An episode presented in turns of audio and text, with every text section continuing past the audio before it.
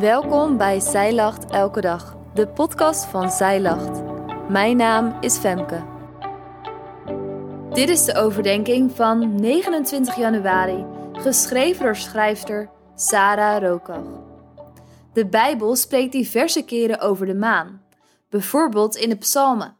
In het Jodendom heeft de maan een speciale plek gekregen. En in het bijzonder worden vrouwen ermee in verband gebracht. Eén keer per maand hebben zij een dag vrij van huishoudelijke taken, om tijd aan God te besteden. Waar komt deze traditie vandaan? En wat vertelt de maan ons?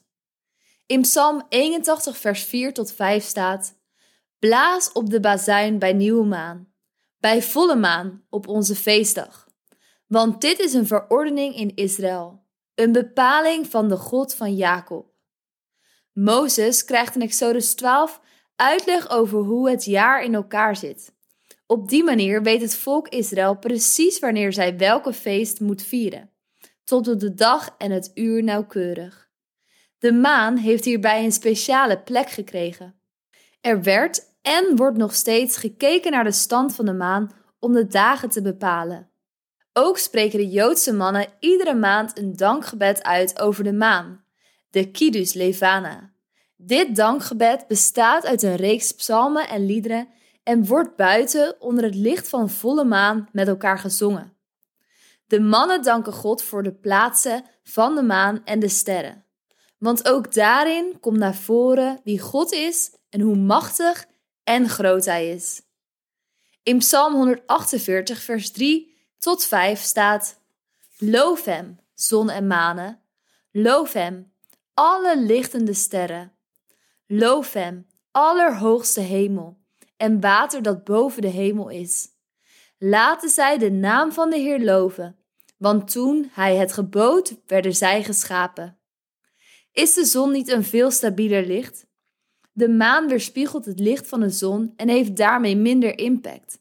Hij is minder goed zichtbaar en voelbaar. Wat ik mooi vind, is dat God vaak het kleine gebruikt om ons iets te leren of te laten zien. Hij gebruikt datgene waar wij misschien minder van onder de indruk zijn. Het lijkt alsof de maan een minder belangrijke plek heeft gekregen. Maar juist hier doorheen is Gods werk te zien. Zo gaat de maan iedere maand door een cyclus, van een klein streepje tot een volle maan. Precies zo gaan wij door een cyclus van een leven zonder God naar een leven met God dan verandert er iets in ons leven. De maan is dan een herinnering aan dat wij altijd opnieuw beginnen bij God. Maar ook dat wij door de tijd met Hem door te brengen steeds voller en zekerder worden van Hem en meer en meer uit geloof gaan leven.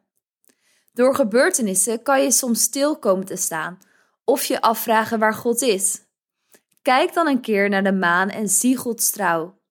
Hij is er en zal jou er doorheen leiden zodat je weer gaat schijnen door middel van het licht van de zon, dat jij, net als de maan, mag weerspiegelen. Hoewel de mannen de Kidus Levana uitspreken, zijn het juist de vrouwen die op de dag van de nieuwe maan een speciale rol hebben gekregen.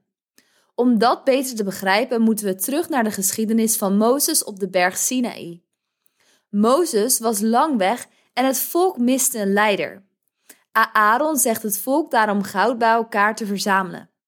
Hij benoemt specifiek waar dit goud vandaan moet komen, namelijk van de vrouwen, zonen en dochters. In vers 3 van het hoofdstuk lezen we dat het volk het goud bij Aaron brengt. In het Hebreeuws gebruikt het vers mannelijke woorden. Hierdoor gaan uitleggers ervan uit dat de vrouwen niet meededen aan deze goddeloze praktijken. Het was in ieder geval duidelijk dat het volk niet zonder zichtbare leider kon. Daarom gaf God de opdracht om de miskan, de tabernakel, te maken.